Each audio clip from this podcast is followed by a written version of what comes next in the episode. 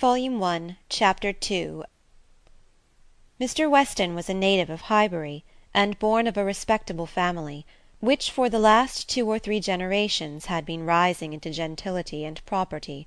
He had received a good education, but on succeeding early in life to a small independence, had become indisposed for any of the more homely pursuits in which his brothers were engaged, and had satisfied an active cheerful mind and social temper by entering into the militia of his county then embodied. Captain Weston was a general favourite, and when the chances of his military life had introduced him to Miss Churchill, of a great Yorkshire family, and Miss Churchill fell in love with him, nobody was surprised, except her brother and his wife, who had never seen him, and who were full of pride and importance, which the connection would offend.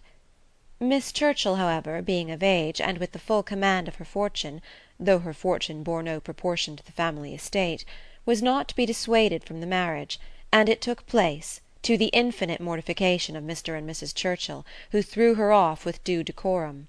It was an unsuitable connection, and did not produce much happiness. Mrs. Weston ought to have found more in it, for she had a husband whose warm heart and sweet temper made him think everything due to her in return for the great goodness of being in love with him; but though she had one sort of spirit, she had not the best. She had resolution enough to pursue her own will in spite of her brother, but not enough to refrain from unreasonable regrets at that brother's unreasonable anger nor from missing the luxuries of her former home. They had lived beyond their income, but still it was nothing in comparison of Enscombe. She did not cease to love her husband, but she wanted at once to be the wife of Captain Weston and Miss Churchill of Enscombe. Captain Weston, who had been considered, especially by the Churchills, as making such an amazing match, was proved to have much the worst of the bargain for when his wife died, after a three years' marriage, he was rather a poorer man than at first, and with a child to maintain. From the expense of the child, however, he was soon relieved. The boy had, with the additional softening claim of a lingering illness of his mother's, been the means of a sort of reconciliation, and Mr. and Mrs. Churchill, having no children of their own, nor any other young creature of equal kindred to care for, offered to take the whole charge of the little Frank soon after her decease. Some scruples and some reluctance the widower father may be supposed to have felt; but as they were overcome by other considerations, the child was given up to the care and the wealth of the Churchills, and he had only his own comfort to seek, and his own situation to improve as he could. A complete change of life became desirable. He quitted the militia and engaged in trade, having brothers already established in a good way in London, which afforded him a favourable opening. It was a concern which brought just employment enough. He had still a small house in Highbury, where most of his leisure days were spent, and between useful occupation and the pleasures of society, the next eighteen or twenty years of his life passed cheerfully away. He had by that time realized an easy competence, enough to secure the purchase of a little estate adjoining Highbury, which he had always longed for enough to marry a woman as portionless even as Miss Taylor, and to live according to the wishes of his own friendly and social disposition. It was now some time since Miss Taylor had begun to influence his schemes, but as it was not the tyrannic influence of youth on youth, it had not shaken his determination of never settling till he could purchase Randalls, and the sale of Randalls was long looked forward to; but he had gone steadily on, with these objects in view, till they were accomplished. He had made his fortune, bought his house, and obtained his wife, and was beginning a new period of existence with every probability of greater happiness than in any yet passed through.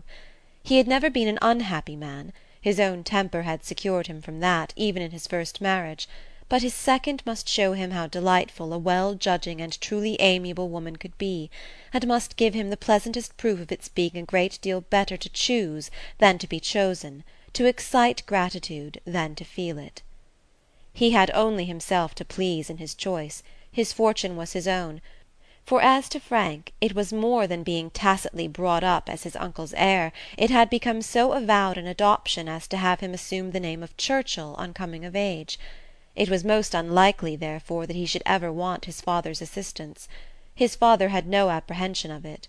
The aunt was a capricious woman, and governed her husband entirely but it was not in Mr. Weston's nature to imagine that any caprice could be strong enough to affect one so dear, and, as he believed, so deservedly dear. He saw his son every year in London, and was proud of him; and his fond report of him as a very fine young man had made Highbury feel a sort of pride in him too. He was looked on as sufficiently belonging to the place to make his merits and prospects a kind of common concern. Mr. Frank Churchill was one of the boasts of Highbury, and a lively curiosity to see him prevailed, though the compliment was so little returned that he had never been there in his life. His coming to visit his father had been often talked of, but never achieved. Now upon his father's marriage it was very generally proposed as a most proper attention that the visit should take place. There was not a dissentient voice on the subject, either when Mrs. Perry drank tea with Mrs. and Miss Bates, or when Mrs. and Miss Bates returned the visit. Now was the time for Mr. Frank Churchill to come among them, and the hope strengthened when it was understood that he had written to his new mother on the occasion. For a few days, every morning visit in Highbury included some mention of the handsome letter Mrs. Weston had received. "I suppose you have heard of the handsome letter Mr. Frank Churchill has written to Mrs. Weston? I understand it was a very handsome letter indeed. Mr. Woodhouse told me of it. Mr. Woodhouse saw the letter, and he says he never saw such a handsome letter in his life." It was indeed a highly prized letter. Mrs. Weston had, of course, formed a very favourable idea of the young man and such a pleasing attention was an irresistible proof of his great good sense, and a most welcome addition to every source and every expression of congratulation which her marriage had already secured. She felt herself a most fortunate woman, and she had lived long enough to know how fortunate she might be well thought where the only regret was for a partial separation from friends whose friendship for her had never cooled, and who could ill bear to part from her. She knew that at times she must be missed, and could not think without pain of Emma's losing a single pleasure, or suffering an hour's ennui, from the want of her companionableness; but dear Emma was of no feeble character; she was more equal to her situation than most girls would have been, and had sense and energy and spirits that might be hoped would bear her well and happily through its little difficulties and privations. And then there was such comfort in the very easy distance of Randalls from Hartfield, so convenient for even solitary female walking, and in Mr. Weston's disposition and circumstances, which would make the approaching season no hindrance to their spending half the evenings in the week together. Her situation was altogether the subject of hours of gratitude to Mrs. Weston, and of moments only of regret; and her satisfaction her more than satisfaction, her cheerful enjoyment was so just and so apparent, that Emma, well as she knew her father was sometimes taken by surprise at his being able to still pity poor Miss Taylor when they left her at Randalls in the centre of every domestic comfort, or saw her go away in the evening attended by her pleasant husband to a carriage of her own. But never did she go without Mr. Woodhouse's giving a gentle sigh and saying: "Ah, poor Miss Taylor! She would be very glad to stay." There was no recovering Miss Taylor, nor much likelihood of ceasing to pity her, but a few weeks brought some alleviation to Mr. Woodhouse. The compliments of his neighbours were over; he was no longer teased by being wished joy of so sorrowful an event; and the wedding cake, which had been a great distress to him, was all ate up. His own stomach could bear nothing rich, and he could never believe other people to be different from himself. What was unwholesome to him he regarded as unfit for anybody, and he had therefore earnestly tried to dissuade them from having any wedding cake at all, and when that proved vain, as earnestly tried to prevent anybody's eating it. He had been at the pains of consulting Mr. Perry, the apothecary, on the subject.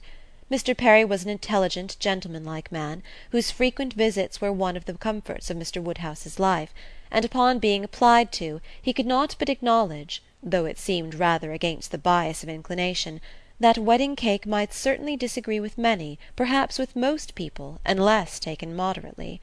With such an opinion, in confirmation of his own, Mr. Woodhouse hoped to influence every visitor of the newly married pair; but still the cake was eaten, and there was no rest for his benevolent nerves till it was all gone.